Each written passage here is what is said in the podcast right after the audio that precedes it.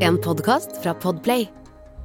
Denne episoden kan være skremmende for enkelte lyttere. Om du er yngre eller sensitiv til drap, forsvinning eller beskrivelser rundt slike hendelser, så anbefaler vi at du lytter til episoden med noen du stoler på, eller skrur av.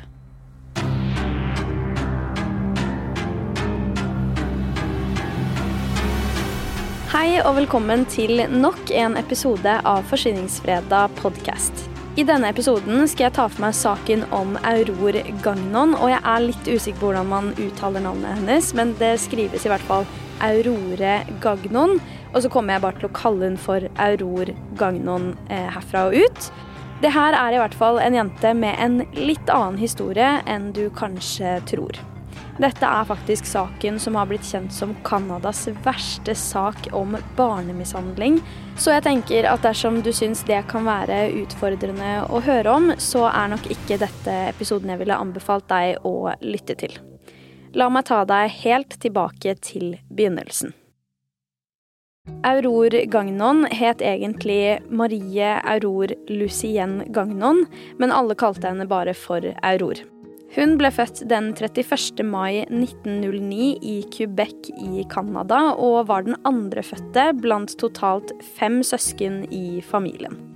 Foreldrene til Auror het, og igjen beklager for uttalelsen her, jeg er litt usikker, men faren heter i hvert fall Tellesfor Gagnon, og moren heter Marie Anne eh, Caron. Jeg kommer til å kalle hun for Marianne herfra.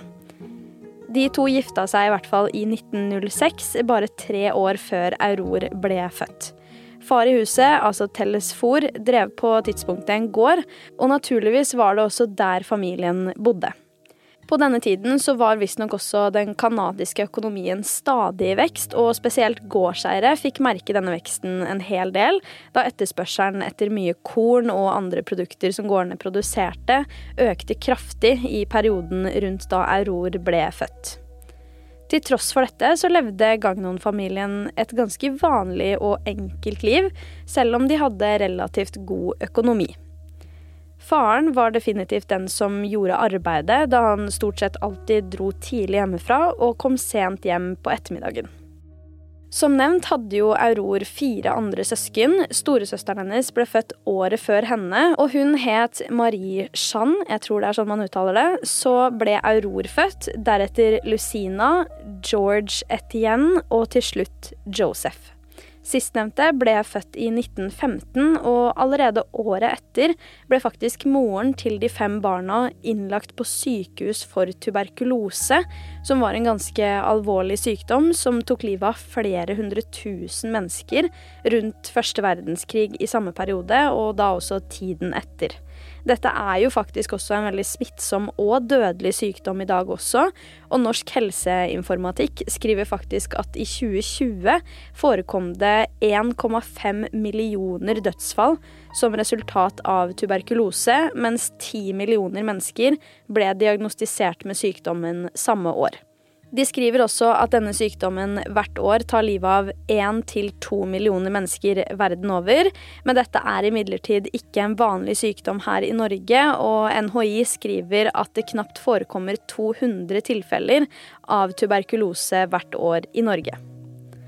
Uansett, fordi Marianne ble diagnostisert med tuberkulose og dermed sendt til et sykehus i Quebec, så var det ingen tvil om at faren i huset behøvde hjelp hjemme, for det er naturligvis vanskelig å skulle sjonglere og ta vare på kona di på sykehuset, samtidig holde fortet hjemme og passe på at de fem barna har det de trenger. Så av det så endte det rett og slett med at en annen kvinne, også ved navn Mariann, som da var enken etter en fetter av faren til Auror, kom hjem til Gagnon-familien og bodde der en stund. Hun tok nemlig mer enn gjerne på seg ansvaret for barna, slik at faren ikke skulle bli overarbeida eller at noe skulle gå galt. Den 6. november 1917 skjer det imidlertid noe litt spesielt. To år gamle Joseph, altså den yngste sønnen i Gagnon-familien, blir funnet død i senga si. Obduksjonsrapporten viste at han døde av naturlige årsaker, men jeg syns jo det høres utrolig spesielt ut. Altså, hvordan har en to år gammel liten gutt dødd av naturlige årsaker? Uansett, dette var selvfølgelig et tragisk dødsfall i familien, og snart skal det skje enda et. I januar 1918 dør nemlig også moren i Gagnon-familien da av tuberkulosesykdommen hun hadde slitt med i nesten to år. Dette dødsfallet er dessverre også begynnelsen på et rent helvete. Faren i Gagnon-familien var jo naturligvis i sorg etter å ha blitt enkemann, men etter å ha hatt Mariann, altså enken til en fetter av far i huset, på besøk gjennom denne perioden, så ble jo også de veldig godt kjent. De to hadde endt opp med, utrolig nok, å innlede et forhold på veldig kort tid, og endte også opp med å gifte seg under en privat seremoni bare en uke etter dødsfallet. Kun noen dager etter giftermålet så dukker det også opp nok en tragedie. Den da seks år gamle Lucina Gagnon døde på mystisk vis og de som utførte obduksjonsundersøkelsene, mente at det ikke var grunn til å mistenke noe som helst ved dette dødsfallet. Så her har vi rett og slett enda et barn som dør av det de kaller naturlige årsaker. Altså For meg så gir det her ingen mening. I samme periode ender resten av barna i familien opp med å bo hos besteforeldrene sine i det som heter Leclercville i Quebec, og de flytta faktisk ikke tilbake før sommeren 1919, så rundt ett og et halvt år etter dødsfallene av moren deres og seks år gamle Lucina. Det er også på dette tidspunktet at livet til Auror Gagnon virkelig skal ta en brå vending. Det er nemlig fra dette tidspunktet at Auror, som på tidspunktet var ti år gammel, begynner å bli mishandlet av sin egen stemor. En ting som er verdt å merke seg når det kommer til denne stemoren, er at hun selv også hadde barn fra før av. Hun hadde nemlig to sønner, men tidligere hadde hun også to døtre som begge to hadde dødd før Mariann flyttet inn med Gagnon-familien. Disse dødsfallene gjorde hun også til en person veldig mange fort syntes var spesiell, og ingen klarte vel egentlig å stole helt på henne heller. Da kan man jo også trygt si at hun ikke akkurat fikk et bedre rykte på seg etter at eh, Joseph Gagnon døde som toåring, og Auror etter hvert ble innlagt på sykehus. En ting er også viktig å ha med seg her. På denne tiden var det nemlig ikke obligatorisk for barn å møte opp på skolen, i hvert fall ikke i denne aktuelle provinsen. Og det ble faktisk ikke innført obligatorisk oppmøte før på 1920-tallet i alle Canadas provinser. Det gjorde også at Auror dessverre ble offer for det som til slutt skulle være avslutningen på livet hennes. Stemoren til Auror ønsket nemlig å holde henne ute fra skolen, dette var jo rett og slett fordi Auror med jevne mellomrom ble utsatt for fysisk vold, så Mariann holdt Auror inne i huset, slik at ingen kunne se hvilke skader hun hadde blitt påført. Man kan jo spørre seg hvorfor hun ikke bare slutta med det da, hvis hun skjønte at andre ikke ville tenke at dette her var helt greit, men Mariann mente imidlertid at dette var straff for dårlig oppførsel så det måtte Auror bare tåle. Auror var likevel på skolen noen ganger, men det er rimelig å anta at hun bare var på skolen de gangene hun ikke hadde de mest alvorlige skadene. Mariann håpet jo som sagt at skadene ikke skulle være synlige for noen andre, men heldigvis så ble de det. På en eller annen måte hadde noen i nabolaget nemlig lagt merke til at Auror var skadet, og hadde sagt ifra til det som kan sammenlignes med en sosialarbeider eller en ansatt i barnevernet. Denne sosialarbeideren, da, som vi kan kalle det, tok derfor Auror, faren og stemoren inn til en samtale for å finne ut av hva som hadde skjedd. Foreldrene nekta for å ha mishandlet henne, men stemoren sa at hun hadde disiplinert henne. På beina og føttene hadde Auror på tidspunktet kutt og skader, men disse mente stemoren at kom av naboguttene som hadde kasta steiner og lignende på Auror. Under samtalen Auror imidlertid hadde alene med denne sosialarbeideren, ble det egentlig ganske åpenbart at hun var utsatt for noe som på ingen måte var innafor. Hun var veldig stille, hun virka redd og turte ikke å si noe særlig. Hun ønska veldig åpenbart ikke å si noe som kunne sette foreldrene i dårlig lys, så egentlig kom ikke sosialarbeideren noe sted med saken, til tross for at han rapporterte inn skadene til politiet. Politiet ga han da et valg om å legge inn en anmeldelse på foreldrene, men han ønska ikke å gjøre dette på tidspunktet, da han ikke var helt 100% sikker på om det var de som sto bak skadene til Auror.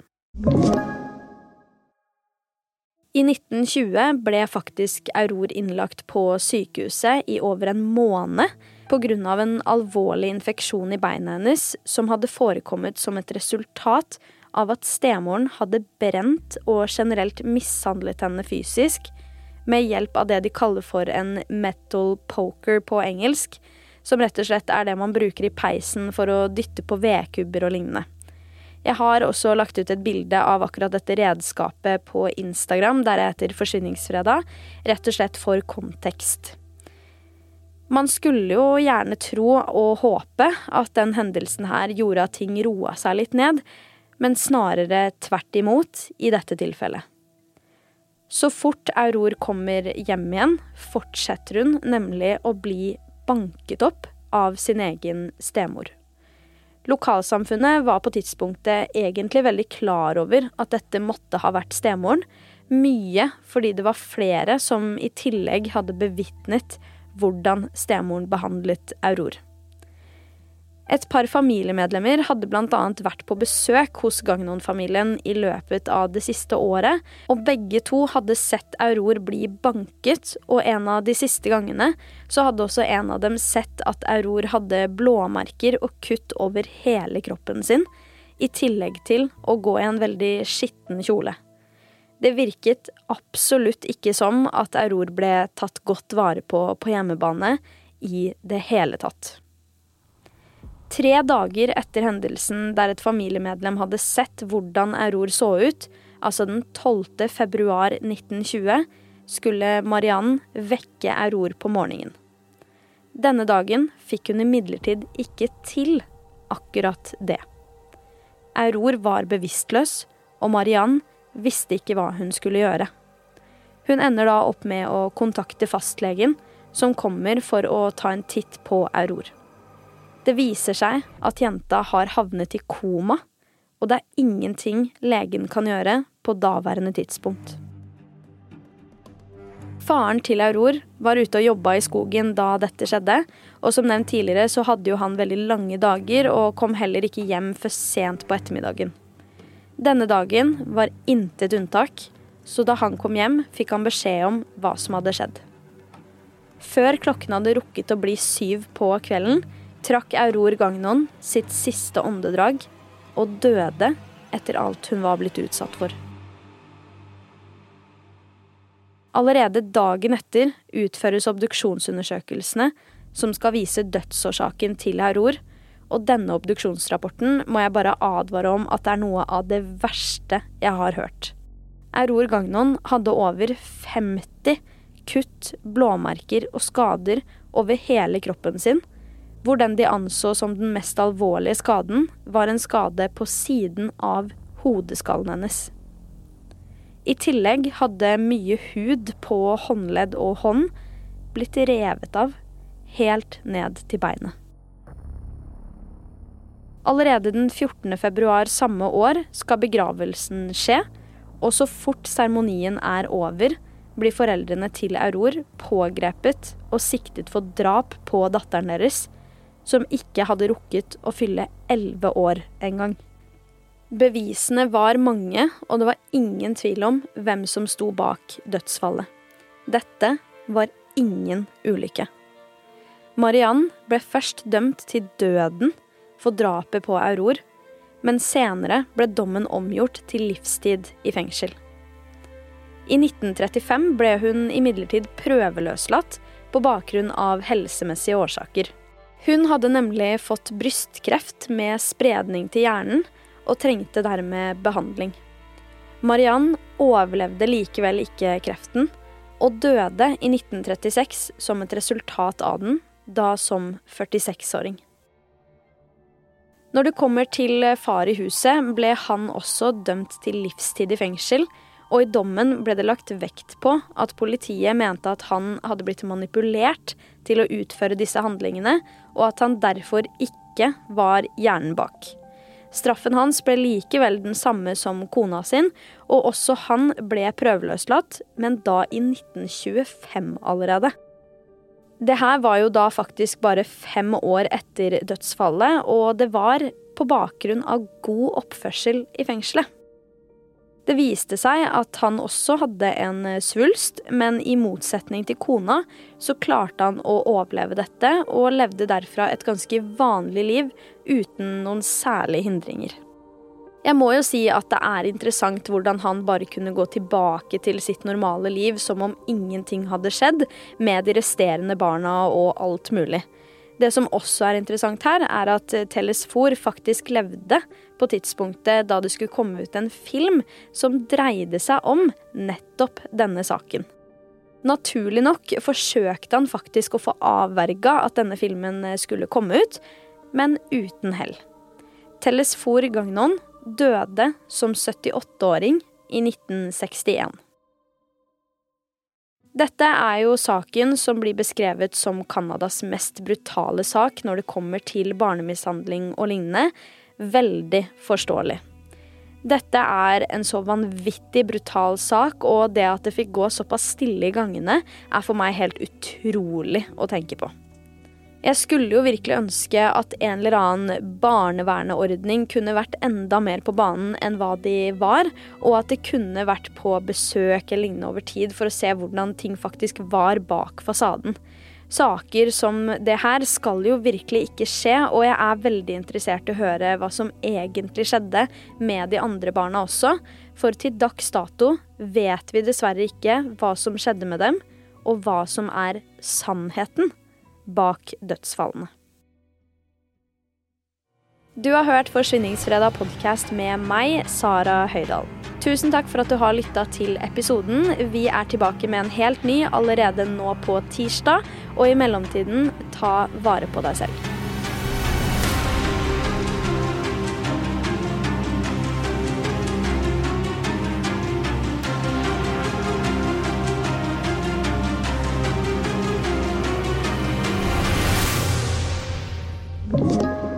Du har hørt en podkast fra Podplay. En enklere måte å høre podkast på. Last ned appen Podplay eller se Pod... Et godt råd fra Apotek 1. Påsken markerer starten på solkremsesongen. Og når du skal ut og nyte solstrålene, bør solkremen allerede være på. Mange av oss har ikke sett sola i vinter. Derfor trenger den vinterbleke huden ekstra god solbeskyttelse. Husk solkrem selv om det er overskyet, og at snø og sjø gir økt reflektering av solstrålene. Kom innom og få råd på ditt nærmeste Apotek 1, eller chat med oss på apotek1.no. Apotek 1 vår kunnskap, din trygghet.